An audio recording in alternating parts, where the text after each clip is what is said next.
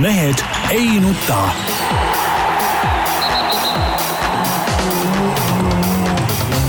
mehed ei nuta. selle eest, et mehed ei nutaks, kannab hoolt Unibet, mängijatelt mängijatele. tere teisipäeva, nagu tavaks, Mehed ei nuta eetris siin suurepärases Delfi stuudios. Delfi stuudio omanik Tarmo Paju, tervist! Peep Pahv, kes omab lisaks Delfi stuudiole ka veel no kõik. Eesti Päevalehte. Eesti Päevalehte ja, ja mina oman Ja. siis nagu kõiki Eesti Päevalehte ja Delfit ja, ja kõik, kõike muud säärast. ma ei tea, kus see Jaan äkki omanikuks sai nüüd, see, aga see ei jääb segaseks muidugi, minu arust sa oled meil lihtsalt nagu orjatööline. noh, ka sina ütleks ma. siiski, siiski ma olen nagu kupp seisuses. nii no kupjad, nagu sa Peep tead, olid austatud mehed jutumärkides vanasti huvitav, et sa siukse uhkusega praegu seda ütled. aga mind see teiste mingi arvamus ei huvita eriti. sai nädal aega eemal oldud sellest Eesti jamast, tulin siia, kõik vaatasin uudiseid ja kõik, oh sa jumal küll, kõik see kohe näha, valimised tulevad, kõik meil on, hakkab niisugune suur õnn ja õnnistus kohe-kohe pihta. noh, ma ei, kuskilt ma lugesin, et väga huvitavat projekti. Et äh, keegi pakkus välja, et teha nulleelarve ja mõte on siis see, et äh, kõik need endised kohustused, lepingud, värgid, särgid, kõik äh, ära unustada ja hakata täiesti nullist pihta ja kõigepealt paika panna see, mida meil tegelikult on vaja. kui meil on vaja õpetajate palka tõsta, siis me tõstame õpetajate palka, siis politseinike ja sa läksid nüüd selle, selle mõttetu organisatsiooni umbluu ei ohvriks, või? ei, see, see, see ei ole vale mõte, muide, täielik jama, mis null eelarve, noh. Mis null ja unustame kõik kohustused ära, mis meil praegu olid jah, absoluutselt, kuule Ah. päris hea mõte. ei, me võtame tagasi need, mis tõesti Eesti riigi jaoks vajalikud on, aga nüüd ma lugesin jälle miljoni eest hakatakse mingisugust jällegi mingit MTÜ-d looma, keegi kurat aru ei saa, mis asi see on, kellelegi on vaja soe koht teha ja kõik. Et vaadake, mis seal koolides toimub, ma ei tea. see ei tähenda ju nulleelarvet, et me, et me ei loo enam mõttetuid MTÜ-sid. ei, ei absoluutselt. ega siis see no see on väike restart lihtsalt, aga aga... umbluu lihtsalt ja see on umbluu mingisuguse mõttetu organisatsiooni äh, umbluu, mille ohvriks sinasugune Jaan, lihtsamaid inimene lihtsalt läks praegu. ei, absoluutselt mitte, tähendab, me peame kõigepealt ära tegema need, mis meil on tõesti hädasti vaja. kui, kui ma praegu vaatan, ma ei tea, kui, kui palju sa oled äh, kursis sellega, kuidas teil seal Keila koolis äh, asjaolud on või, või Tarmo. enam väga raske kursis, juhuslikult ma olen nagu natuke seotud selle kooliga. no just, eks, et äh, vähemalt ma tean, eks, et äh, minu laste koolides ja mul äh, seal, kus abikaasa õpetab, seal, seal on ikkagi, tuuakse seitsmekümne, kaheksakümne aastasi äh, õpetajaid tuuakse pensionilt ära, sellepärast et vastasel korral jääks tunnid pidamata. nii, aga mis sa välja pakud? No see äh, väga õpetajate palk muuseas on tõusnud päris heale tasemele just aga... rääkisin äh, nädal aega tagasi ühe õpetajaga, kes ütles, et tegelikult äh, õpetajad teenivad täiesti normaalset palka No- nii, mis sa nüüd välja pakud siis? no kas sa arvad, et, tuhat eurot ei on nüüd sa, see, no üldiselt normaalne õpetaja saab ikka rohkem kui tuhat eurot. ütleme niimoodi, et selleks sa pead olema ikkagi, tähendab, noor õpetaja ei saa tuua ei no. noorele ei peagi maksma ilmselt palka. Aga no kui mille- sa tahad, et noored andekad tuleksid õpetajaks, siis Just., siis sa pead ikkagi. aga mille pealt sa neile maksad, kogemus puudub, oskused puuduvad, mille pealt sa maksad neile? Ei no jaa, aga ta ei tulegi. ka, noor tuleb tööle, noor peab kõigepealt tegema rämpsuudiseid öö, väikeste krosside eest. Peep, ja, aga ma arvan, et see ühiskonna jaoks ongi Peep olulisem, et, et need noored tulevad, kelle vahelt on rohkem valida siis ja kelle seas on ka rohkem neid häid õpetajaid seal on väga hea, on äh, näiteks Soome, Soome näide, kus äh, Soomes äh, õpetajaks saavad need, sest neil on õpetajad väga hästi tasustatud, saavad need, kes on äh, ülikooli parimad, parimad lähevad äh, õpetajaks äh, sellepärast, et seal on hea palk, normaalne töö ja kõik ja nad tahavad äh, õpetajaks minna. meil kindel see, et, et, et ei lähe ju parimad matemaatikud ei lähe õpetajaks. no küsimus just selles, et äh, ütleme noore jaoks, kes äh, hakkab oma nii-öelda nagu erialavalikuid tegema, oleks sama nagu õpetajaamet oleks üks esimese valikuid, mitte see ei oleks üks viimaseid. See on, see on see, kuhu on vaja jõuda nagu. sellest tekib ka ju, sellest tekib ka areng. Aga noh, kui Jaan siin juba selle valimiste eel saja tõi, siis Peep, no midagi ei ole öelda, ega sinu poisid ka käisid siis oma nii-öelda majandusprogrammi välja, lugesin täna hommikul veel läbi selle ettepanekud. Neil on ka kuskil mingid rahalaevad kuskil või? tead sa midagi on siin või? kõigil tulemas. ei no mis nüüd kõikide peale no viib, ma saan kõik- aru, et sinu omad on paremad nagu olnud ikkagi, et Aa, kümnest kümnest ettepanekust kaheksa viisid nagu jõhkralt raha lihtsalt välja, kust, kust see tuleb? aga teistpidi tuleb tagasi. kustkaudu? ei, ma, ma ei ole nende majandusprogrammi lugenudki ausalt öeldes, mul pole nagu selles suhtes, ma ei ole tegelenud sellega. ja, ja, ma ja vali-, ma valimiste eel üldjuhul ei lähe vot siukeste nagu libedate asjade ohvriks nagu Jaan läks ja nagu sina läksid. ei no mis mõttes, Et see see on ju-, see nagu ongi oluline. kuule, need valimislubadused või? valimislubadused. mitte valimislubadused, vaid see, mida sa reaalselt nagu ära hakkad tegema. aga kes, räägi mulle, kes siis teeb midagi reaalselt ära? Eesti kakssada teeb midagi reaalselt ära või? räägin, eelarvega. ma räägin praegu, ma räägin praegu ühest konkreetsest nimekirjast. mis sa ühest räägid? sellest- kogu aeg, kogu aeg selle Eesti ajakirjanduse, see nagu sina seda soosid Ei,, ei. kogu teraviku ei suunata ainult ühe. absoluutselt mitte, ma räägin ainult ühel põhjusel ei sellest no. mis ühel põhjusel? väga kogu põhjusel. aeg iga teemaga läheb ei selle peale. Peep, ei no kus ta on? ma räägin väga lihtsal põhjusel sellest, sest me räägime siin nädala sündmustest ja eelmisel nädalal juhuslikult tulid nemad oma programmiga välja. on vaja kuradi eh, pedesid pooldada, siis jälle näed, kes nende vastu on, on EKRE-d, on, on eh, need. laseme mingil kuradi vendadel lapsi saada meestel omavahel, jälle oled selle vastu, oled jälle mingi paha, eks ole. Need tahavad ainult õiget asja, tühja see majandus majanduseks, et küll nad leiavad siin õige majandusinimese ka, aga põhiline ideoloogia, mida inimesed ajavad, tead näe. lollus tuleb maailmas ära lõpetada, tead näe. ma ei ütleks, et majandus majanduseks.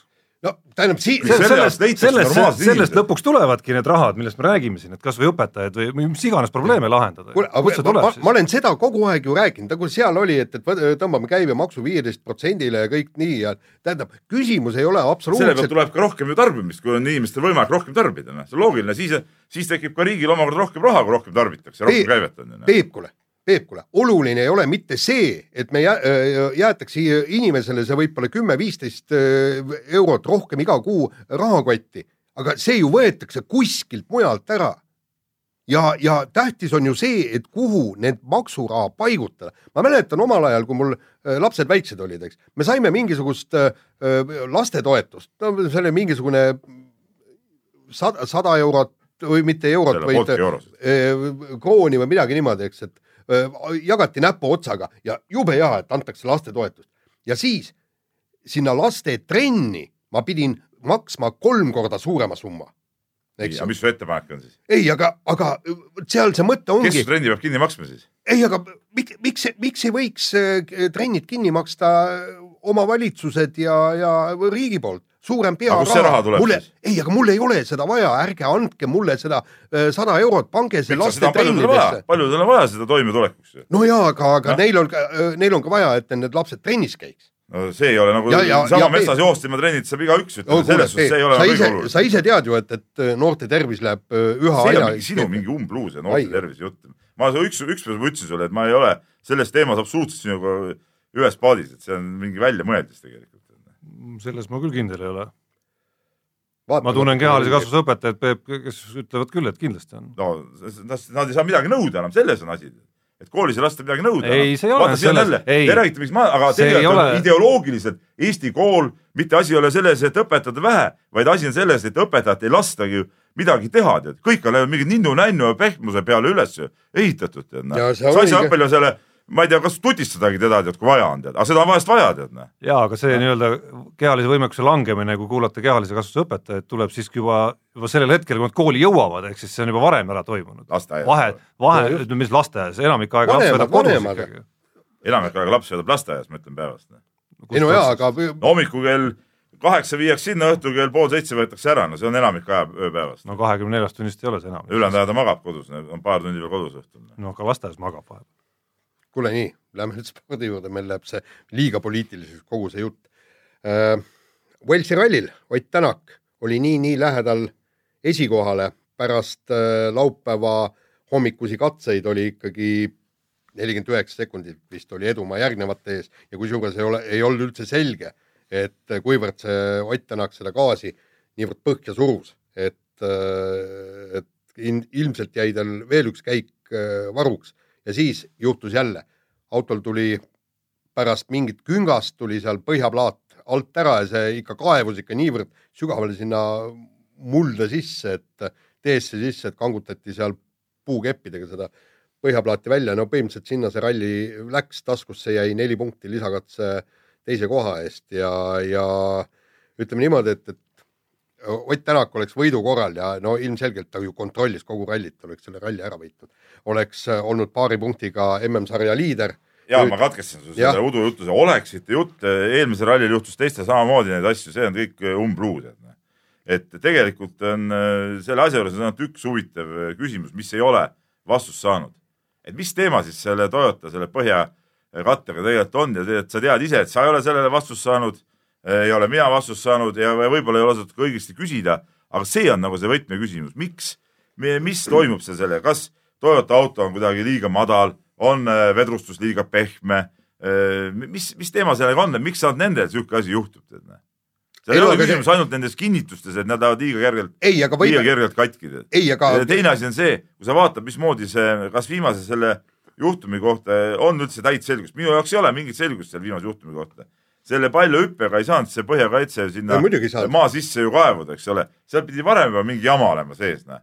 kas äh, hoolduses tehti eelmisel õhtul midagi valesti, jäeti midagi kinni panemata normaalselt või oli see jama juba sellest äh, testikatse õnnetuses seal mingi, mingi viga oli sees või lihtsalt varem kuskil sõitis äh, üle kivi, no mis, mida ikka loomulikult juhtub ja lõi seal juba lahti, et see asi ei olnud ju seal selle hüppe teema, aga seda millegipärast lahti keegi ei taha seletada. Peep, kuule, aga see on võtmeküsimus. aga, aga seal on üks võimalus on veel, et see on konstruktsiooni viga, et kuskil on mööda pandud, sest vaata seal äh, sealsamas Portugalis, kui ta sõitis üle kivi, okei okay,, see oli, see oli suur kivi, üle mille ta sõitis, eks, aga see kivi ei tohiks mõjutada seda, et põhjaplaat lööb katki radiaatori.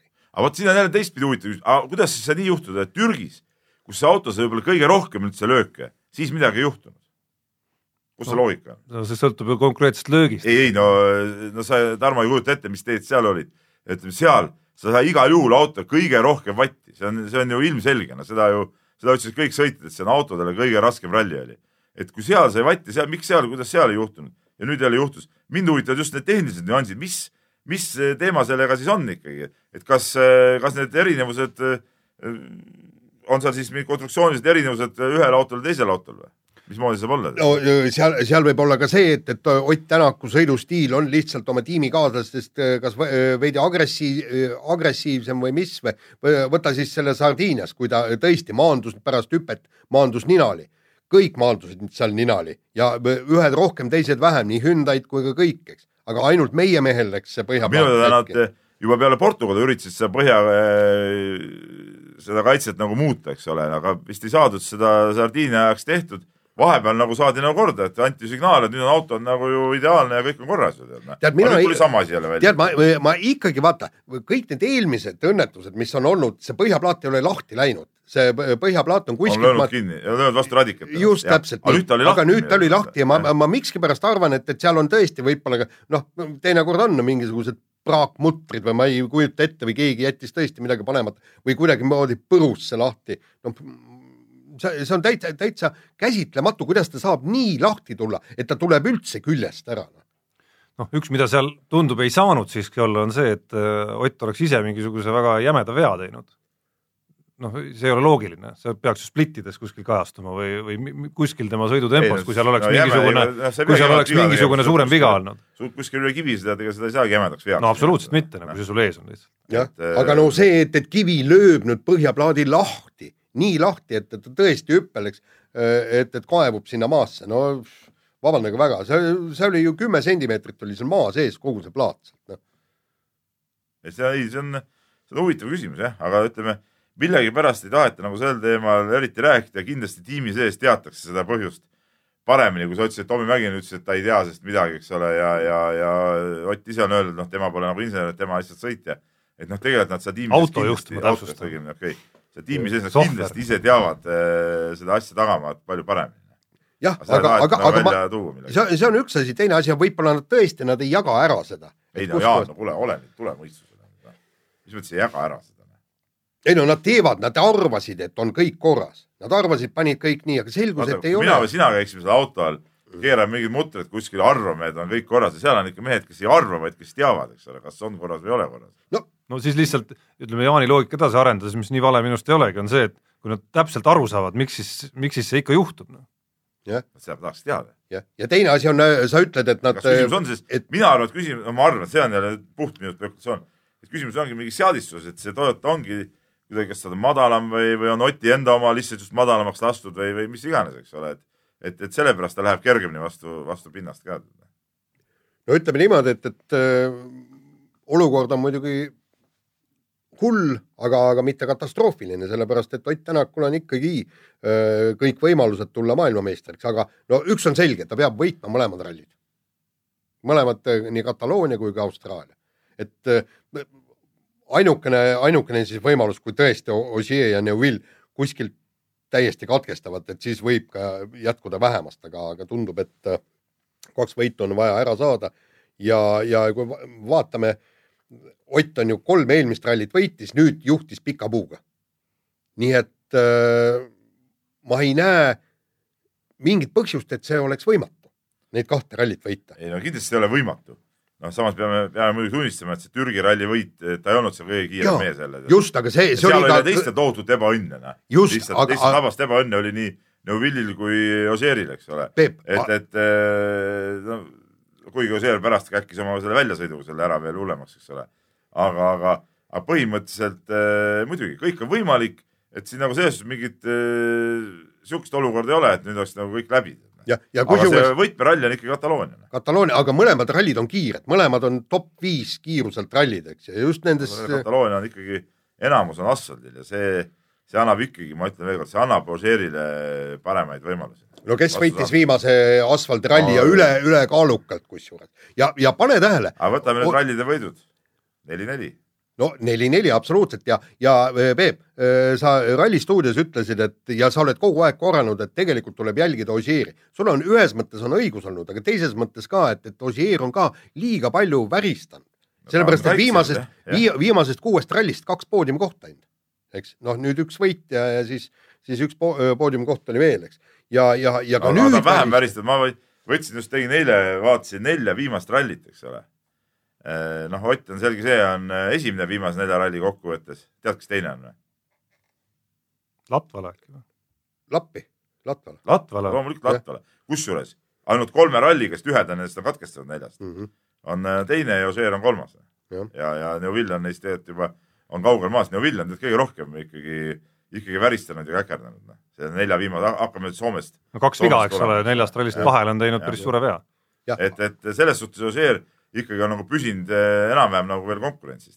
no ütleme, kui lihtsalt arvutada siin praegu, oletame, et äh, mõlemad rallid lõpeksid järjestuses Tänak, Ogier, Neville, siis oleks Tänak maailmameister. siis Oleks. maailmameister jah. aga aga muide noh, see ralli ei ole selline sport ei, ole kus, absoluutselt. kus kõik on nii, et võtame paberi peale ja paneme nüüd nii, niimoodi nad lõpetavad, noh. Peep, kuule aga öö, intervjuus Eesti Päevalehele ehk siis mulle Tommy Mäkinen ütles väga huvitava asja välja, et kui ma küsisin, et noh, ta, ta rääkis öö, pikalt sellest, et kuidas, mikspärast Ott nii kiire on, kuidas on temast sõidustiili kirjeldas, siis ma ütlesin, et noh, et ometi on ju Ogier ja Neuvill on ka nii-öelda sõidumehed, eks, et aga neil paraku seda kiirust ei ole, siis äh, Tommy Mäkinen ütles ja, ja kusjuures nad teevad vigu ja tema viskas välja niisuguse veksli, et nad üritavad Ott Tänaku tempos püsida, aga see käib neile üle jõu, see läheb üle nende piiride, nad riskivad liiga palju ja, ja selle, sellepärast juhtubki, eks. Neuvill käis ju väljas sabapidi kraavis, Ogier pani kahel,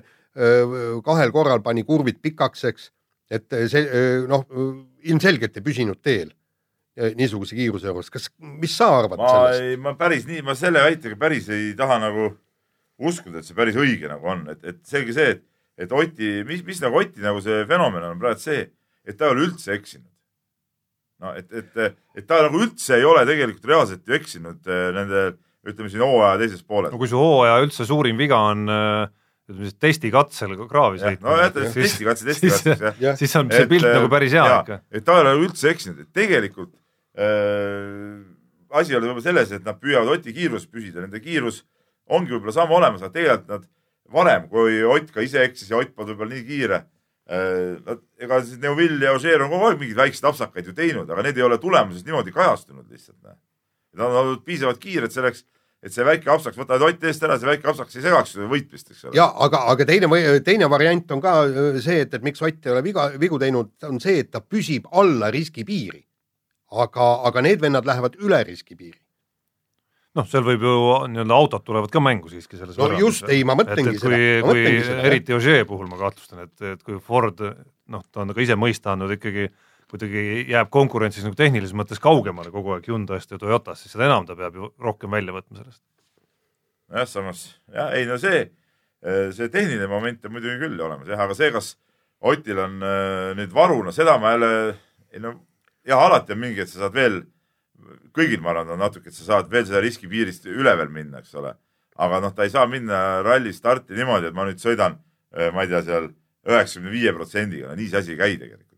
sa saad ikkagi nii kiiresti, kui sa saad seal sõita parajasti. see, see oli see muide riskipiiri ületamisest oli see Latvala pühapäevane esimene äh, see katse, kus, kus ta võitis ko- kolm koma viis sekundit umbes oli Ožeed, kui ta ütles, et ta pani ikka täielikku hullu. no mees ju, mees ju vabises põhimõtteliselt. ja lõpus oli vabis. hirmuhigi oli otsa ees. just ja lõpus ta ütles, tal oli kaks niisugust momenti, et, et siit ta läheb välja, et ta, ta ei saanud aru, mis, mil moel ta üldse sinna teele jäi.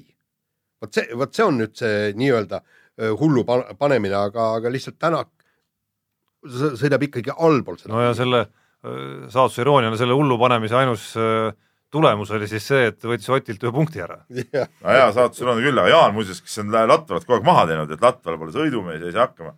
ma ei tea, mees on, ma räägin, noh, teine mees praegu punktidelt viimase nelja ralli kokkuvõttes. Nojah, ja väga heas tempos püsib ja, ja püsib küll. jah, aga, aga nüüd äh, arvesta, et, et kui võrdle teda nüüd Ott Tänakuga, eks, üks oli see ralli teine, teine oli mitmes? Nojah, aga kas sõidu pärast või? Noh. ralli. üks huvitav spekulatsioon, mis siin veel on nüüd, eile vist käidi välja seda, et kas, kas enne viimast rallit Austraaliat hakatakse kuidagi ka mingeid taktikamänge tegema, ehk siis jutt käis sellest, et Neville äkki noh, ei tahagi nagu väga minna MM-sarja liidrina vastu viimasele rallile. noh, pigem ma arvan, seal ei hakka keegi punktidega riskima. mina No ma ei usu, mina ei usu seda, et, et meelega jätad ennast, ma ei tea, teiseks või kolmandaks, et, et mitte minna esimesena rajale, noh, see on, ma ei usu seda. Et eh, punkti väärtus on ikkagi siin lõpuehituses nii suur ja see risk on, risk on liiga suur selle jaoks. nojah, et lõpuks juhtub mõlemaga Austraalias Jaa, midagi ja täpselt, see, kes jaa, ees on, see on ees, on ju. et, et selles suhtes, sellesse teooriasse ma küll ei usu. ja, ja nii ülisuurt vahet ei ole ka selles, kas sa oled esimene või teine seal rajal. seal väga suurt vahet ei ole jah. nii, laseme kõlli ka või? lase kõlli ka.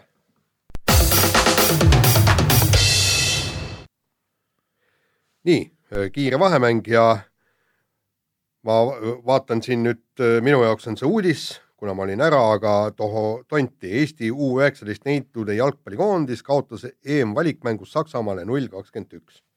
aga mis me peame tegema selle jutu peale, selle uudise peale?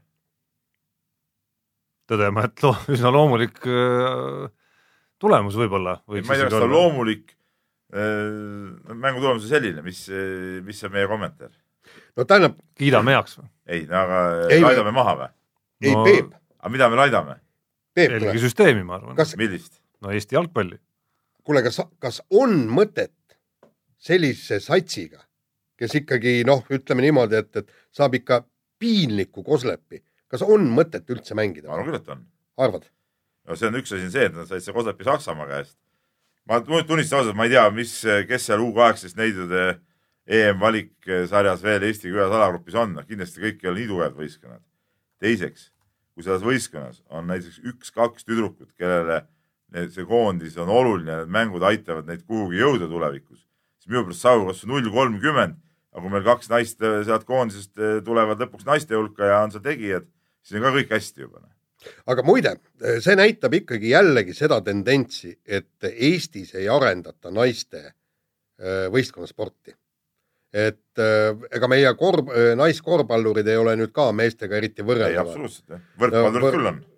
võrkpallurid, no vaatame, kas nad pääsevad EM-finaalturniirile või nojah, aga olgem ausad, nad on ikka suures mängus praegu sees no ütleme, nad on suures mängus sees, ütleme nemad on äh, meestele lähemal. kuigi ega võrkpalliliit midagi naiste võrkpalli arenguks nüüd üleliia palju ära teinud ka ei ole. noh, käsipallist me ei räägigi, meil on käi- nii, et, et tegelikult ongi see, see ju küsimus, kõik ju so- soomlased mängivad, rootslased, kõik, kõik näiteks see jalgpall on, neil on ikkagi tõesti väga, väga heal tasemel. jalgpall on, ma näen seda Keila näitelgi tead, noh tüdrukuid ju mängib küll jalgpalli tead, aga noh, küsimus on jah selles, et äh, vot mis on nagu üks häda minu arust naiste või tüdrukute spordi juures Eestis just mulle tundub, et mulle tundub, et see on eelkõige Eesti probleem. et siin nagu arvatakse, et äh, naiste korvpall, naiste jalgpall erinevad millestki meeste samadest mängudest. Tegelikult ei tohiks erineda, tegelikult see mäng on täpselt samasugune. peaks ette valmistama mängijaid ka täpselt samamoodi. noh. et kui Ja- sa vaatad no. näiteks, sa Tarmo ise kommenteerisid korvpalli MM-i mänge, noh, kui sa nüüd vaatasid neid tippnaiskondi, noh, siis, siis nad ei mänginud ju mitte millegi poolest äh, nagu teistmoodi, kui mängivad mehed. noh, mingil, mingil määral küll No., selles mõttes, et seal ütleme niisugust nagu, kuidas öelda, no ütleme niisugust individuaalsele võimsusele äh, rajanevat tegutsemist on võib-olla vähem ikka. aga siiski, kui sa võtad needsamad äh, äh, ameeriklaste mängijad, kes on palliga osavad, kes suudavad sisse murda, kes on ikka tõelised atleedid, noh, siis, siis see ongi see individuaalne võimsus ju, millega sa mängid nad üle. ma ei näe nagu siin Eestis või Euroopas väga palju siukseid naisi nagu, nagu seal Ameerika koondises on, eks ole. et, et, et see on see, see on, see on vale lähenemine tegelikult on olnud naiste pallimängudel Eestis aastaid ja aastaid ja see on jätkuv noh, teine asi, mida ma näen, võib-olla ma räägin ühe kitsa koha näitel praegu, on see, et et kuidagi ka neid pallimänge nagu üleüldse ei, ei ütleme, kui ma vaatan, mis sportimisvõimalusi nagu pakutakse lastele, siis mulle tundub nagu see tüdrukute pool ja eriti pallimängude pool on kuidagi nagu vaeslaps natukene. et see justkui ei ole nagu tüdrukute nagu pärusmaa üldse. kusjuures ma, ma ma ei tea, ise, näiteks Keilas on küll No- tüdrukute võrkpall, tüdrukute jalgpall. no ütleme minu, minu, minu alas, minu alas noh, ütleme kuidagi, kuna see on nagu käsipalli teema on kuidagi olnud, siis, siis sinna on nagu tüdrukud läinud, aga noh, ütleme see, mul on tunne, ei ole võib-olla ka päris nüüd, võib-olla see päris kõige õigem ala. ja kusjuures mul on ju kaks väikest millest, lapselast millest, tüdrukud nagu päriselt ka vaimustuksid. kaks lapselast ja, ja mõlemad on muidugi öö, leidnud endale öö, oma spordialad, aga omal ajal ma tõesti täielikult, täiesti mõtlesin see, et, et kui nad mu- muud trenni ei leia, et et, et siis võib-olla jalgpalli mängima, sest tegelikult on jalgpall tüdrukule minu meelest täiesti sobiv mäng, täiesti sobiv mäng. minu arust on nad kõik tegelikult sobivad lõppkokkuvõttes, No lõppkokkuvõttes sobib, sport sobib igal noh. juhul. jah, korvpallis on see pikkust vaja, kui sa oled ikka püksinööp, on ju, eks noh, nojaa, aga no, noh, see on poiste või meeste hulgas sama asi. no selles suhtes ei saa, see nüüd küll ei saa mingi takistus, just ü- küsimuses lähemises minu arust. et lihtsalt tehtakse tüdrukute trennides rohkem mingit ninnu-nännut, et noh, selles on see asi. jah, aga noh, veidratest tulemustest rääkides, siis eh, eelmise nädala tähelepanek number kaks oli ju Eesti U kakskümmend kolm, see nii-öelda kolm korda kolm korvpallurit, kes suutsid kaotada Mongooliale. ei, aga muide, ära sa imesta, vaata see, siin oli see, kolm korda kolm korvpall, see on üks nali ma saan kuule, aru, aga kuule, kuule, ikkagi Mongoolia. oot-oot-oot, tead mis, huvitav oli see, et, et ma vaatasin siis, kui ma tegin seda olümpiakohtade lugu, et, et kes võiks kuhu saada, siis ma huvi pärast vaatasin seda öö, maailma edetabelit kolm kord kolm korvpallis ja Mongoolia oli muide väga kõrgel kohal, kas ta mitte isegi Eestist eest no järelikult on nad Jah. sinna oma vähesed korvpallurid ilmselt sinna pannud. no just, noh, miks mitte. nii, vahetame teemat, räägime võrkpallist. Selveri võrkpallimeeskond võitis äh, Eesti-Läti liigas Tartu Bigbanki ja põhimeestena väljakul ohohoo, seitsmeteistkümneaastane Timo Lõhmus oli ka vist äh, üks kahest resultatiivsemast selles mängus ja sinna juurde viieteistkümneaastane Mark Saru. no eh, kas see on nüüd asi, mis näitab nagu tugevust? ei tea, võib-olla see näitab liiga nõrkust, et hoopis siuksed lapsed seal eh, ruulivad. noh, ma arvan, et liiga tugevusega, mis alal me siin üldse väga saame hõisata ikkagi. No kus, kas, kas korvpalliliiga on siis tugev, et Ei meil ole. korvpallis viieteistaastased ei ruuli viieteist? aastat ei ole, seitsmeteistaastane mängib küll, viskas siin ühes mängus kakskümmend, Tarmo paranda meid, seitse. seitse, jah. nojah, väga hea. ma arvan, et see näitab mõlemat siiski. no pigem see on ikkagi see, et eh, punkt üks, no viieteistaastane on kindlasti harukordne nähtus üldse. et, et eh, isegi võrkpalli jaoks, kuigi võrkpalli eeldab, võrkpalli saab mängida ka nooremast peast, see ei eelda niisugust, noh, kui sa puudub füüsiline Kontakti, kontakt, eks ole. Aga ta ikkagi eeldab võimsust, sealt hüpet ja, ja löögi tugevust ja kõiki neid asju, kui sa tahad seda võrkpalli mängida. et eh, mingil määral see ikkagi näitab seda, et jah, meil on palju häid mängijaid või noh, meie tippmängijad kõik on Eestist ära ja see omakorda muudab ju seda kodust eh, suppi selle võrra lahjemaks, siis ongi noortel eh, võimalus seal mängida ja no tore on kõik, eks ole, aga see ei näita nagu seda, et need võistkonnad või, või need kutid, nad tegelikult normaalses liigas, normaalses võistkonnas saaks sellist rolli kanda. muuseas võrkpalliliigas üldse huvitav seis, et kui tähele panid tabeliseisu, siis kolm esimest on Läti klubid, et, et eh, pole ammu sellist asja olnud, et Eesti Eesti satsid on seal kuidagi nagu teise, teisejärguliseks muutunud. no vist kas graafik, ma võin eksida nüüd, aga kas graafik on natuke selline olnud, kus nad on omavahel, eestlased oma nagu nii-öelda üksteiselt oma palju, päris, palju punkte ära võtnud. tabel on tabel. tabel on tabel, aga noh, tabel, tabelit tasub, ma arvan, hooaja edenedes natuke ei, seda muidugi, kindlasti nii ei jää, see on ka ilmselge. nii, aga äh, miski pole nagu igavene ja Ott Kiivikas, meie esikulturist ja, ja, ja ütleme, selle spordiala propageerija number üks võib-olla, otsustas hakata profiks, et aitab küll sellest amatööride hulgas võistlemisest. kõik on saavutatud, nagu ta ütles, kuigi maailmameistriks pole tulnud. et äh, läheb siis profide hulka, aga äh, lubab seejuures dopingust äh, eemale hoida.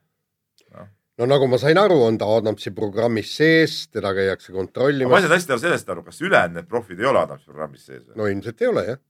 aga sa saad võistelda siis? ei no see on, neil on oma organisatsioon, mis ei lähe üldse kokku, mis sa arvad, see, mis see Kiviks Adams siis edasi istub siis? no sest ta on aus mees. ja Sest mis ta on selle aus mõte on mees. siis?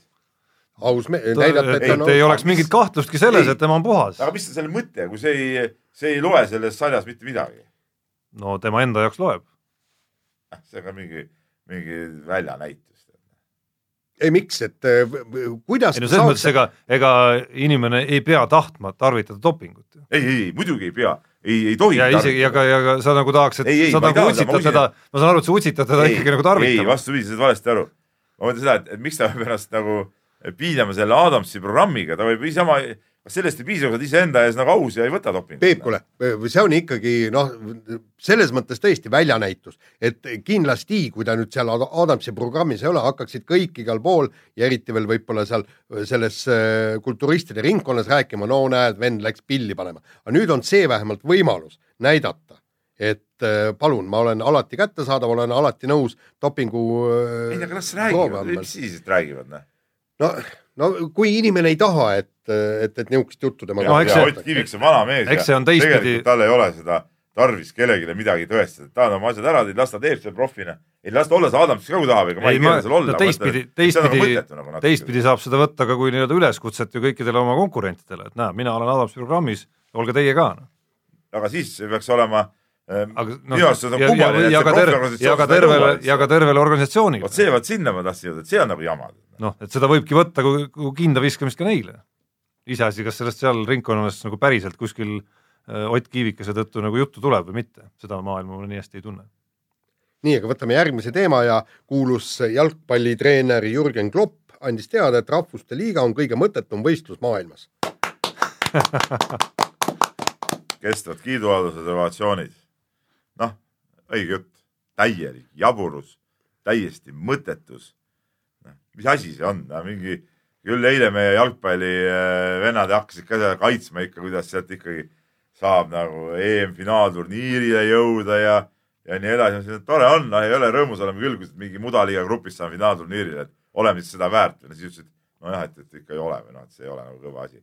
mõttetu, mõttetu värk on see tegelikult. ja kusjuures meie nagu, nagu veel vähe oleks jalgpallivõistlusi. Äh, Peep, vaata, meil on isegi võib-olla siin huvitav, me mängime omasuguste kõik mängivad omasugustega seal. ei, oot, oot, oot, pointi nagu.. ei vaata, seal ongi, tähendab, ütleme niimoodi, et, et meil on tõesti huvitav, me mängime siin, et no tõesti võib-olla see, et EM-finaalturniirile kõik nii, aga, aga just kõige mõttetum on ju selle tippdivisjoni jaoks. Nad plötsivad seda palli lihtsalt seal, mängivad neid sõprusmänge, mis tegelikult ei maksa midagi, sellepärast et tuleb EM-valiksari ja nad selle kaudu niikuinii saavad. no siin viimasel ajal on muidugi häid näiteid, kus nad niikuinii ei saa iseenesest, et siin on nagu viimasel ajal päris suuri erandeid olnud. seda küll, aga see ei ole, ma arvan ma arvan, et see ei ole nagu põhiteema, põhiteema on ikkagi see, et, et kogu see olemasolev ja minu arust nagu väga hästi töötanud kogu nagu loogika on muudetud nüüd nagu arusaamatult keerukaks, mille jaoks ma. saan aru küll, et taheti seal sõprusmängude aknad kuidagi muuta väga asiseks ja asjalikuks ja see on see, mille vastu see- ja see on see, mille vastu Jürgen Klopp nüüd on, eks ole, et nüüd on aga nagu kõik aknad UEFA nagu täidetud. FIFA asi on muuta, kui ma tahan sõprusmängu Tarmo Jungu pidades, ma pean, eks ole, ongi kõik, kui Eesti tahab mängida, ma ei tea, Paapua Uus-Guineaga, siis ta mängib seda mängu ja kellegi asi ei ole seda kobiseda, tead ja toppida sinna mingisugust totakat turniiri selle asemel. ja, ja, ja tä täpselt see, eks, et noh, et nagu räägiti, et need tipptiimid siis saavad noh, nagu eh, sõprusmängudeks nüüd saavad nagu omavahel, tugev mängib tugevaga, aga nad oleks võinud ju ka ise kokku leppida. no nad le- leppisid. Nad üldiselt leppisidki jah, ei olnudki probleemi sellega minu arust. ja kiire vahemängu lõpetuseks, aga äh, tõstame ja teeme aplausi ilmselt veel ühele mehele, ehk siis Kimi Räikkönen tuleb välja, et on kunstihing ka, Peebule see muidugi ei istu ilmselt, aga Kimi andis välja haikuraamatu. Ja lugesin neid eh, mõningaid haikusid ja päris terased ja päris äh, tabavad olid ja noh, ütleme niimoodi, et, et päris kõik vist haikud ei olnud, ma ei ole seda originaalteksti äh, kahjuks näinud, aga see vähemalt osa tõlge oli, oli tõesti väga hästi tehtud, eks õiges haiku rütmis, eks, et viis silpi, seitse silpi, viis silpi, eks. mõned, mõned nii väga ei olnud, et, et ma tahaks seda or originaali küll näha, et, et noh. mis eesti keeles ka või mis keeles? ei, ei, ei ma, ma ütlen, ma. oli või eesti keelde mingisugune ajaleht tõlkis ära, see on Peotäie haikusid kuus, seitse, kaheksa. ei, väga vägev, varsti tuleb muide Kimi Reikonini raamat tuleb välja, et nad, ma arvan, et, et kellel on jõulukinki vaja äh, spordihuvilisele, siis oodake ilusasti ära see Kimi Reikuse raamatu tulek. nii, laseme kõlli ka. lase kõlli nii kirjade rubriik ja, ja kirju on äh, nagu alati palju, osad tegelikult äh, olid seotud seesama Ott Tänaku ja, ja kuulsa Põhjaplaadiga, et, et need teemad vast said enam-vähem nagu läbi, läbi võetud, aga, aga Kallelt on tegelikult üks äh, ralliteemaline küsimus veel. ja siin ma ütlen kohe ära, ma vaidlen Kallele absoluutselt vastu. tere, mehed, see, et laupäeval hooldu-, Velsi ralli hoolduspaus, pausi ei olnud, maksiski Otile rallivõidu. kui oleks kahe ringi vahel hooldus olnud, äkki oleks mehaanikud märganud midagi ja, ja see, et seda me ei saa muidugi kunagi teada, aga kas teile ei tundu täieliku debiilsusena see, et üks päev sõidetakse ilma hoolduspausita? ma saan aru, et katsete sõit kestis kolm tundi, aga mida kuradit ja korraldate siis rallit kusagil pärapees, küsib Kalle meie käest. ja ma ütlen, Kalle, see on jumala okei okay,, et nii on. see ongi just huvitav, mida ekstreemsem, mida pikemad katsed, mida vähem neid hoolduspause, seda huvitavam on. see, kui nad käivad iga vaata nagu Rally Estonia nagu oli, iga kahe katse või korra isegi katse tagant käisid hoolduses, no ma saan aru, mis seal oli nagu noh, tehtud nagu testralliks. see on jama ju tegelikult, see on ebahuvitav vaadata sellist asja. see, et Walesi ralli ma eelmine aasta käisin, väga huvitav oli see, ma sõitsin ära sinna taha kaugele, sain seal meestega rääkida kuskil äh, pärapõrgus, kus neil oli see rehvivahetuspunkt ja see oligi selle, see oli kõige põnevam päev oli minu arust see, just see pikk päev, kus vahepeal service'isse ei tulnud uudki ja, ja minu arust äh, rohkem võiks olla siukseid äh, rallisid ja, ja et ongi ainult see rehvivahetuse koht ja ongi kõik, sa pead oma autoga, autot äh, hoidma lihtsalt. muide, Peep äh,, lugesin just äh, hiljuti artiklit, kus räägiti, et vormel üks on muutunud liiga steriilseks. ja siis ma hakkasin mõtlema, et millal ma viimati nägin, okei okay,, ma võib-olla tõesti vormel ühte nii tihedalt ja täpselt ei jälgi. no viimasel ajal polegi midagi vaadata. aga mida, millal sa oled viimati näinud, kui, kui liidril või kellelgi mootor tagant plahvatab, suitsu, suitsu välja lööb ja kõik pff, läinud, eks. see, see ongi niivõrd steriilseks ja see ralli on nüüd ka, ütleme niimoodi, et, et siit natukene vunki juurde ja kohe juhtuski. nagu te näete, kohe juhtuski, üks auto ei pidanud vastu. see ongi huvitav jah ja., see teeb asja, asja nagu mõnes mõttes põnevamaks. nii, aga Siim Avi küsib Ruhnu saarelt meie käest ja, ja teda erutas Äripäeva top viissada ehk viis kõige rikkamat inimest ja küsib sellist asja, et ta vaatan, et seal pole, seal on puudu mõned nimed, kes loogiliselt võttes peaksid olema. nimelt sportlastest Margus Hunt ja Ragnar Klavan, kes peaks olema kindlalt neljasaja, viiesaja koha vahepeal Äripäeva tabelis. aga no ilmselt ei ole siis neid sportlasi sisse võetud, eks no, ole. sõltub, ma arvan, stabiilne pikaajalisem karjäär, miks miks ei peaks nad siis äh, sinna nagu mahtuma? see äh, sõltub natuke sellest, kuidas nad oma tasudega ringi on käinud, mis nad saanud on eelkõige ja kuhu nad selle paigutanud on. kuule, siin on tegelikult väga huvitav. raha on raha, mis saanud on. no seda, kui palju kellelgi on isiklikul arvel sularaha Äripäev vaevalt teada saab. ja kuule. no aga teada on ja palju nad palka saavad. kuule, nende, nendel sportlastel kindlasti ei ole see raha ju sula äh,, sularahana arvel, see on punkt üks. punkt kaks on te teine, et lähme veel äh, tagasi, kas ma ei tea, kas Marko Märtin oli seal Tea, minu arust, minu arust ei olnud. nii, see on küsimus, kas Mart Poom oli, sellepärast et tema on ka ei. ja ta on ka küllaltki hästi paigutanud. Äh, spordiga seotud inimesi, ma sirvisin seal läbi, oli väga vähe seal. Toomas Ki... Lina, Toomas Linamäe näiteks oli. okei, tõenäoliselt me räägime spordist. ei, ei, ei olnud ühtegi. nii, Jaan Kirsipuu, kes on ka oma teenistuse väga-väga hästi ära paigutanud, nagu ma tean, eks. ja kui me hakkame siit võtma, Andrus Veerpalu, eks, kellel on äh, Karupesa hotell ja, ja, ja äh, noh, kes ei ole ka maailma kõige vaesem mees, eks ju. et, et eh, jah, kummalisel kombel noh, sinnapoole ei vaadata miskipärast. nii, aga huvitav küsimus veel, Kalle jälle on meil, Kalle on hästi produktiivne kirjasaatja, tal on päris huvitavad küsimused ka. Eh, tervis spordis kõike teadjad. Eh, hiljuti ilmus artikkel, kus räägiti tennisemängijate hullust karussellist, et täna siin, homme seal. aga nad teevad vahepeal ju trenni, kust nad leiavad endale sparringupartnereid et treenerid neid kohe, treenerid äh, need kohe kindlasti ei ole, et kas kuskil on mingi tennisemängijate Ja. must turg, mida ja, kasutatakse? ja ei, me, mina võin siin, siin rääkida, käisin Prantsusmaa lahtistel, uurisin seda, seda asja, punkt üks, tennisemängijad omavahel äh, lepivad kokku, et äh, päris mängivad, palju tippmänge noh, nad ju liiguvad ikkagi koos turniirilt turniirile. just, aga teine asi, turniiri korraldaja eraldab äh, eraldab nii-öelda sparringpartnerid, kes on ikkagi korralikul tasemel. vot nüüd meeste kohta ma ei oska nüüd öelda, eks seal on, ütleme niimoodi, et nad on tippmängijad, kes ei ole karusselliseks, meestel on nagu probleem, aga näiteks Anett Kontaveit ja Kaia Kanepi treenisid äh, noorte meeste vastu.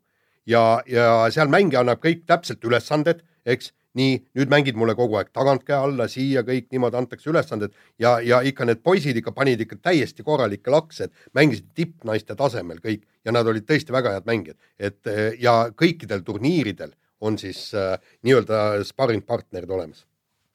nii ja võtan viimasena Joonase kirja ka. Ja Joonas küsib sellist asja, et vaadates, kellega mängivad NBA klubid hooajaliselt sõpruskohtumisi erinevate näiteks Austraalia, Brasiilia klubidega, tekkis küsimus, kui Martin Müürsepp oli NBA-s kas selle aja jooksul loodi eestlaste poolt sidemeid, mida saaks praeguses eh, nii-öelda kuulsas masterplaanis ära kasutada. näiteks tänu Mart Poomile jalgpallis on Eesti jalgpallisidemed Inglise jalgpalliringkondades eh, inim-, noh, figureerivate inimestega eh, väga head ja, ja peeti Tallinnas ju isegi, isegi sõpruskohtumisi ja siin toob ära ka, et ja, Karl-Jakob Heina hiljutine üleminek Arsenali on ka mingil määral Mart Poomi töö. no minu teada mingeid sidemeid NBA-ga eestlastel küll ei ei, ei ole. no teine küsimus on, et, et mi, mis, millele nad kaasa aitaksid, et kas NBA-sse siirdumisele? ei no pigem see, et noh, oleks neid võistkondi võib-olla siia saanud. no NBA klubisid või? no näiteks jaa, aga noh, see no see on, see on tegelikult utoopia. sest kui sa vaatad, okei okay,, pealtnäha tundub küll võib-olla mingid imelikud kohad, kus nad käivad, eks ole, Austraalias ja Brasiilias ja, aga see on ju, see on ju jõhker turg tegelikult, mille pärast seal käiakse, absoluutselt. et, et, et see nii, nii ongi, et Eestil ei ole, ei ole erilist lootust midagi saada, küll aga näiteks äh, NHL käib ju Soomes, aga noh, Soome hoki NHL, no see on nagu, nagu käsikäes. ma lugesin ju. tulevadki varsti on need Patrick Laine kodumeeskond ja mängib ja. kaks mängu. ja, ma... ja piletid osteti ära minu arust hetke kõik. ja, ja ma, ma lugesin, kui palju see oli, mingi kuuskümmend seitse soomlast on äh, lepingutega see NHL-i. kõige rohkem on Euroopas siiski rootslasi ja ei, neid ma tegin, ma tegin seda mingit äh, lugu vist oli, see oli olümpiaraamatusse, kui kirjutasin nagu seda tausta, et, et NHL-i mängijad ei tule. ja siis ma lõin nagu sealt selle kokku, siis ma, ma võin eksida, aga minu arust Rootsis oli, oli saja ringis. ja, ja aga, aga nad kõik muidugi NHL-is ei mängi. ja seda küll, aga ütleme, nad on NHL-iga seotud, noh. kas farmklubis või, või jutt ei käi draftitud mängijatest, jutt käib ikkagi nendest, kes on ikkagi nagu seal klubi süsteemis sees nagu.. just see on ikka müstiline number tegelikult. ei no ma, mulle. see on ikka mingi neli jokivõistkonda. ei kuule, me kunagi rääkisin aastaid tagasi Soome ajakirjanikuga ja kurtsime, et näe, kurtsin, et näed, meil on hapukurk ja hapukurgi hooaeg pole nagu eriti millestki kirjutada. ta ütles, et ei, meil ei ole probleemi, meil on nelikümmend mängijat NHL-is, kui mingit artiklit ei ole, helistame ükstapuha mõnele vennale, teeme temaga pikema loo ja, ja ongi jälle korras tead, eks oleks neil siis ainult nelikümmend mängijat NHL-is, aga, aga see kõik ulatub ka kaugemale, isegi, isegi kahjuks ka korvpalli. jah, nii, nii on. Lähme nüüd edasi. Lähme teemadega ja nüüd mehed rääkige, et äh, Ivan äh, Almeida superpartii tõi BC Kalev, ta-ta-ta, VTB liiga alustuseks väärt võidu. muide, huvitav oli see, ma hakkasin jälgima seda, seda blogi, live blogi siis Delfist ja, ja ja nagu ei vaadanud neid võistkondi ja siis vaatan, ma ju seda Kalevi meeskonda ei kuule.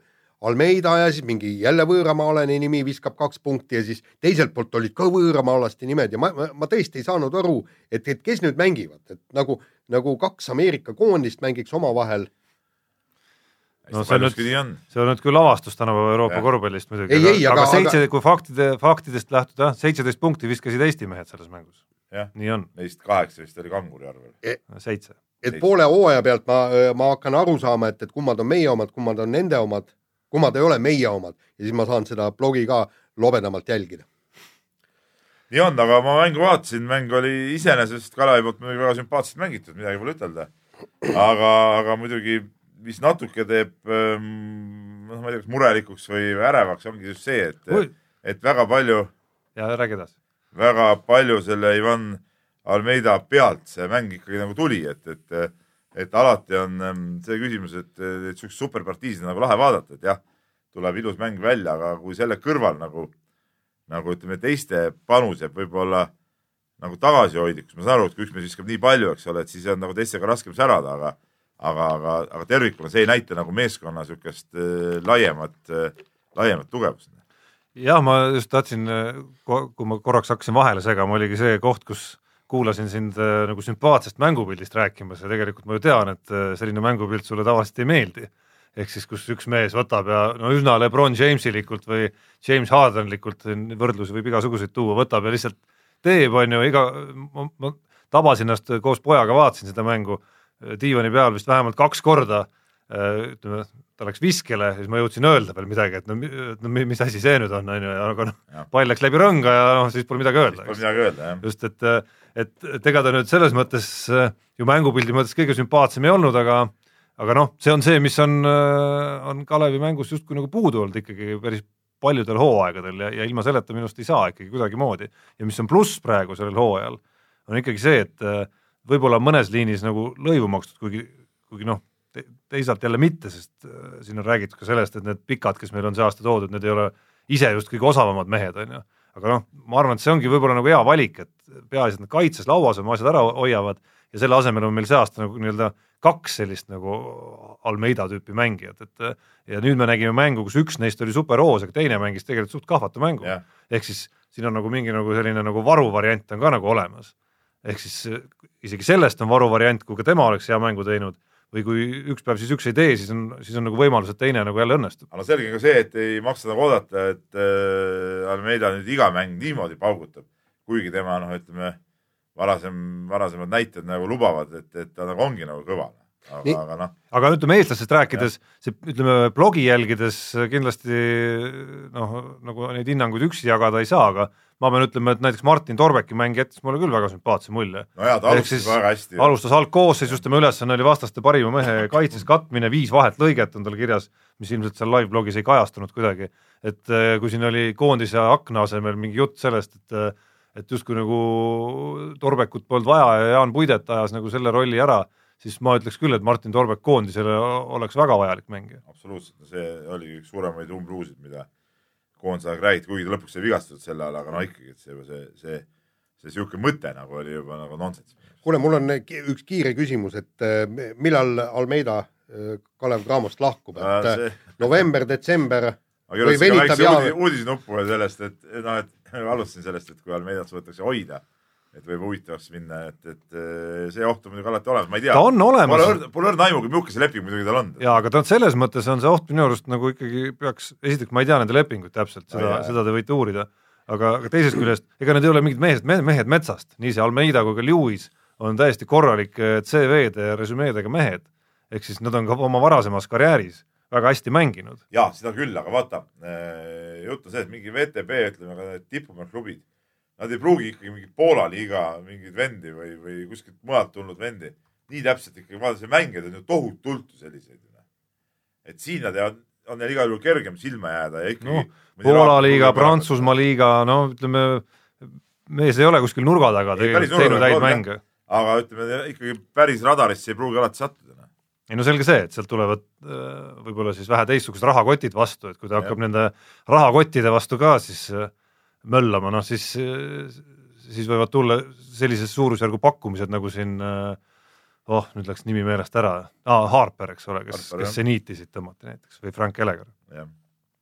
vahetame teemat, räägime ka jalgpallist natukene kodusest, ehk et tundub, et eelmise nädalaga said Eesti jalgpalli meistrivõistlused otsustatud, ehk siis Nõmme Kalju suutis nii Flora kui ka FCI Levadia vastu viigi välja kuidagimoodi sealt punnitada, mis tähendab seda, et väga keeruline on näha varianti, kuidas Nõmme Kalju tiitlist ilma jääks, seisus, kus äh, sel hooajal kaotatud ei ole endiselt ühtegi mängu. aga see on päris hea väljend muidugi võistkonna kohta, kes pole kaotanud ühtegi mängu ja läheb tiitli peale, et punnitas kuidagimoodi. no selles mõttes ta, selles mõttes punnitas, et esiteks ju kõigepealt Levadia mängus, Levadia oli penalti mööda ja seejärel Flora mängus Flora oli latti kolm korda. ja kuule, aga, aga lati löök on mööda löök. no lati lükka mööda löök jah, et seal noh, just, justkui, justkui nagu oli mingit õnnefaktorit ka, aga aga noh, see ei saa olla lõpuks ainult õnne küsimus, kui sa hooaja jooksul, kui sa hooaja jooksul ei kaota ühtegi mängu, siis ei saa nagu õnnest ainult rääkida mäletad mõne nädala tagust diskussiooni, kui paavst siin käis ja me siis äh, panime ju paika, et, et kas jumal on olemas või mitte, eks, et ja kui Lev- Levadia tuleb meistriks, siis on jumalat ei ole ja olemas, taaskord minu see tõekuulutus on saanud jälle nagu kinnitust. Nii on. ja, ja kusjuures, kuule, jumalal oli jumalast hea võimalus öö, ju kaasa natukene aidata, löö see penn, pennal sisse, aga ei, pennal mööda ja kõik noh. nojah, me räägiksime praegu kuuepunktise vahe asemel kolmepunktisest vahet, kuigi, kuigi ka see tundub ikkagi keeruline just arvestades, et Kaljul enam Levadia Floraga mängida ei ole. nojah, aga samas, samas miks ei võiks Nõmme Kalju võita, no niisugune sümpaatsed ja öö, roosad poisid jooksevad mööda platsi mis. resümee see nüüd oli siis? arusaamatus praegu. ei, ei no lihtsalt, et, et miks ei võiks nüüd Roosa Nõmme, panter on neil ikka veel seal see. Vot ma ei tea. no vanasti oli mingi härra Kalju, mäletad meie saate algusaegade staar oli, tema on vist ammu pärast oli kadunud. mingi roosa panter ka või ei olnud või? ei olnud või? ei ma, ma mõtlen just seda, et, et miks ei võiks nüüd Kalju võita, las ta, ei no ega ta võibki võita absoluutselt, no tundub, et legionäridega on äh, suhteliselt okeilt läinud sel hooajal ja, ja nagu treeneri poole pealt samamoodi. siuke naljavennad nagu olevat kuidagi, kuulad, et mingi, mingid džumba-mumbad mängivad. mõtled, mis jalgpall nüüd tundub Eesti liigas. no üks, mida ma eile vaatasin korra, see ajend tuli natukene sellest, et et seal vahemänguski käis meil läbi viieteistkümne aastane võrkpallur ja seitsmeteistkümne aastane teine Selveri võrkpallur. et äh, sirvisin korra siis Kalju ja Levadia ja Fl- ja Flora rosterid ka selle pilguga nagu läbi, et kui palju seal siis nagu selles vanuses noormehi nagu päriselt põllul käib. ja no peab tõdema, et äh, Kalju ja Levadia puhul noh, null tegelikult. Floras on olukord parem muidugi, sinna on nagu rohkem neid noori kokku kuigi Kaljul on oma mingi noortesüsteem ju küll ju täitsa olemas. no sealt on mõnest mehest ilma jäädud ja Florasse on mehed läinud ja, ja, ja ütleme need no ütleme oma nooremad mehed, kes seal regulaarselt väljakul on saanud, on ikkagi juba vanuses kakskümmend kolm, neli. Klubi lühinägelik poliitika. nii. aga võidavad, pole midagi ette heita. no just. laseme kõlli. ja viimane teema, Tarmo on siin teemad kokku pannud ja räägib ajaloo suurimast vabavõitlusmatšist Conor McGregori ja siis äh, äh, Khabibi vahel. ma ei hakka seda tema perekonnanime välja hääldama. see on tõesti Nurmagomedov. Nurmagomedov. see on väga lihtne nimi. Nonii, et äh, ütleme niimoodi, et, et äh, vaatasin äh, hommikul sellest, mis toimus, ega tegelikult see mind nagu see va- vabavõitlus absoluutselt ei huvita totter spordiala. ja see on totter spordiala, vaatasin, et ühte venda kägistati seal natuke seda üldse, vaadates kõik, mis seal toimub. ja siis, siis läks ke- kedagi üht meest kägistati ja siis läks pärast seda mölluks lahti. kuulge, see, see on ikka täielik tsirkus, ma mäletan, ma mäletan, et see on me,, meenutas mulle väga seda, mis on see profimaadlus, mis on Jah. Ameerikas. täpselt, et äh, ve- see ve- ongi, aga siin, siin, ei, siin ei ole nagu küsimus, kas on vabavõitlus või mingi muu asi, et ok- okei okay,, see on nagu teine teema natukene, et äh, kuidas sellesse vabavõitlusesse Päris üldse boksis, üldse üldse ei, üldse nagu, mis asja, üldse nagu suhestuda. mis asja, päris boks. kujuta ette, et Klitschko peale matši oleks läinud ta- üle nende nööride sinna rahva sekka. no vaata, selles, selles ongi see küsimus, siis oleks et Klitschko hüppanud ka ringi ja pannud seda kellelegi üle tahi. ju see on ebareaalne. ei vaata, sellesse, sellesse asi ongi, et seal nagu Klitschko suguseid kahjuks ei ole eriti no Armo hammustas kõrvad no see oli otsast ära. käigus, no see on teine asi. mis sa jamad, teine asi see. on absoluutselt teine asi.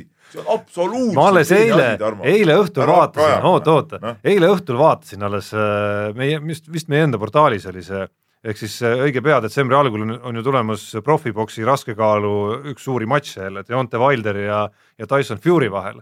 ja siis oli seal mingi pressikonverents, ma ei tea, kas sa nägid seda videot? ei, no see oli, see oli ikka piinlik, noh, see oli täpselt samasugune idiootsus, mille korra-, korraldas see mu-, mis ta nüüd oli, Nurmagomedov on ju, või mida on korraldanud seesama Conor McGregor, mitte mingisugust vahet, üks totaalne tsirkus lihtsalt käib seal.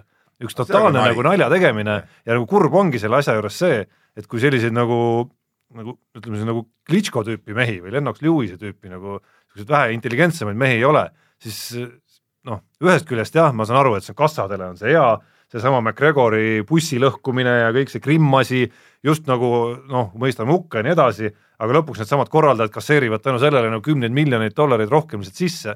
Ja nüüd samamoodi, ma vaatasin seda matši nagu tegelikult otse, see oli noh, mina ütlen sportlikus mõttes oli see väga huvitav matš tegelikult, kuidas kaks väga erinevat tüüpi võitlejat äh, võitlesid ja kuidas selgelt parem mees, eriti siis mis puudutab maas nii-öelda võitlemist, nagu alistas ikkagi teise. oli haigutuse hääl. ja ma, ma jätkan seda mõtet ikkagi, et ja see Nurmagomedov oli jätnud nagu kogu selle matši eel nagu vähekene tas- tasakaalukama murje, mulje natukene klitškooliku võib-olla, aga noh, loll olin, lasin ennast nagu ära petta, on ju, lõpuks osutus samasuguseks nii-öelda kraaklejaks lihtsalt, on ju. Et see oli nagu pettumus ühest küljest nagu inimlikult, ma arvan, et see oli ka pettumus mis iganes, no ma tean Eesti nii-öelda nagu harrastajaid, selle ala harrastajaid ja seal on väga intelligentseid, väga, väga asjalikke inimesi, Peep tunned ise ka ju Ott Tõnissaart või, või muidugi, Jörgen Matsit, eks ole, et ma arvan, et neil on noh, Ma ei räägi ju nendest, ma räägin nende sellest, suhtes on nagu eriti, eriti nagu piinlik võiks neil olla, aga lõpuks nii nagu Lewis ja, või vabandust, nii nagu selle Fury ja, ja selle Wilderi puhul, nii ka nende puhul, see kõik kokkuvõttes toob neid, toob neile ainult miljoneid rohkem sisse. see on, see on selles mõttes nagu masendav. see ongi masendav, aga miks see toob miljoneid sisse? mis siukest jama, siukest jama see rahvas tahab nagu näha või? no see ongi, nii on. see ongi nüüd siis sport, mida me tahame näha. no jaa, aga see toob klikke, kõik see absurdsus ju No toob tõi, meile ka klikke, jah, no just täpselt ja no aga sellega kuigi toobki raha. esimene asi, mis ma pühapäeval äh, Madisega telefonis hakkasime arutama enne kui tööl, noh, polnud kumbki tööl tulnud veel hommikul, et mida, kuidas tehti ja ma ütlesin esimese asjana, et no seda, seda ei peaks spordikülgedele üldse panema. no see Peep ilmus siis. ei, ei, ei, no noh, muidugi ilmus, ma olin planeerinud seda ka ruumi ju. aga ma ütlesin, et põhimõtteliselt see ei peaks spordikülgedel ilmuma, sest tegemist ei olnud spordiga ju. see ei olnud ju sport. ja ma olen ka Peebuga ühel nõul. aga noh, okei okay,, kuna, kuna noh, ta läks nagu spordivõistluse kirja millegipärast ja, ja see huvi selle vastu tõesti oli suur, siis, siis nii on. ma ei usu, et need, need inimesed, kes seal möllasid, nad mingi, ma ei tea, mingi muu spordi suhtes ka mingit väga huvi üles üldse näitavad kunagi. ja sihuke asi huvitab. noh, võitlusspordi vastu kindlasti, ma, ma ei oska seda öelda, ma, miks, miks nad ei pruugi tunda huvi, ma ei näe selles küll mingit välistust. see on suvalised pätid. no ma nägin seal publiku hulgas, ma ei tea, Mel Gibsonit. ei, ei, ma ei mõtle, ma mõtlen noh, kes seda seal korraldasid, noh, ütleme need nende enda tiimid ja need kõik, et nad on mingid ennast suht sportlasteks peavad. No kahjuks ma ei tunne neid nii palju, aga sportlasteks peavad nad kindlasti ennast. no ma ei tea, see üldiselt see on ikkagi suur jama ja tegelikult ei peaks selliseid asju, selliseid alasid propageerima, see juba läheb natuke samasse auku selle, selle e-spordiga, tead, kus me propageerime seda, seda tapmist ja tagaajamist. No ei tea, siin ma jään nagu eriarvamusele, aga noh, selle, selle konkreetse teema nagu võti minu arust on ikkagi selles nagu tsirkuses, mis seal nagu ümber peab käima ja, ja seda ma, Jaan Tarmo ju räägingi, näe. ja ega sa, ei no sina räägid sellest, et see, mis ringis toimub, ei ole ei sport,, ei Siin- siin..., see kõik muu, ringis, ringis on mees mehe vastu, okei okay,, teevad selle võitluse ära, see on muidugi sport, aga siis, kui lõpetad ära, võitsid, tõuseb püsti, surud kätt mehele ja see, see ma saan aru sport. aga ma ütlen, tsirkus tagaajamine, pätikari on see, kui sa No hakkad pärast seal laamendama ja sellepärast ma ei saa seda spordiks nimetada, tead, seda võistlust, no see, see läks, väljus igasuguse kontrolli alt. no võ- võta see Joshua ja Povetkini matš, kuidas pärast südamlikult loomulikult, see- ja see on just- spordimeeste asi. ja ei no olgem ausad, ka MMA, see, seal näeb ka seda sellist samasugust austust ka vastaste vahel, seda näeb ka seal, aga noh, see konkreetne juhtum, ta oli nagu minu arust nagu selles mõttes nii rumal, et äh, ja teistpidi totralt kasulik neile lõpuks jälle nagu äraspidise loogikaga, et sellel samal Nurmagomedovil oli võimalus nagu nii stiilselt kogu see asi nagu ära lõpetada, et terve maailm räägiks nagu sellest, kuidas McGregor on nagu nii-öelda langenud staar, nüüd on meil uus staar, eks ole, aga nüüd terve maailm räägib sellest, kuidas eh, meil justkui oleks võinud olla uus staar, aga tegemist on lihtsalt pätiga.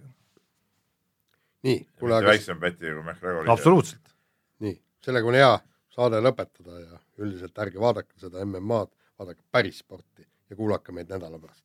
elagu korvpall. elagu. mehed ei nuta.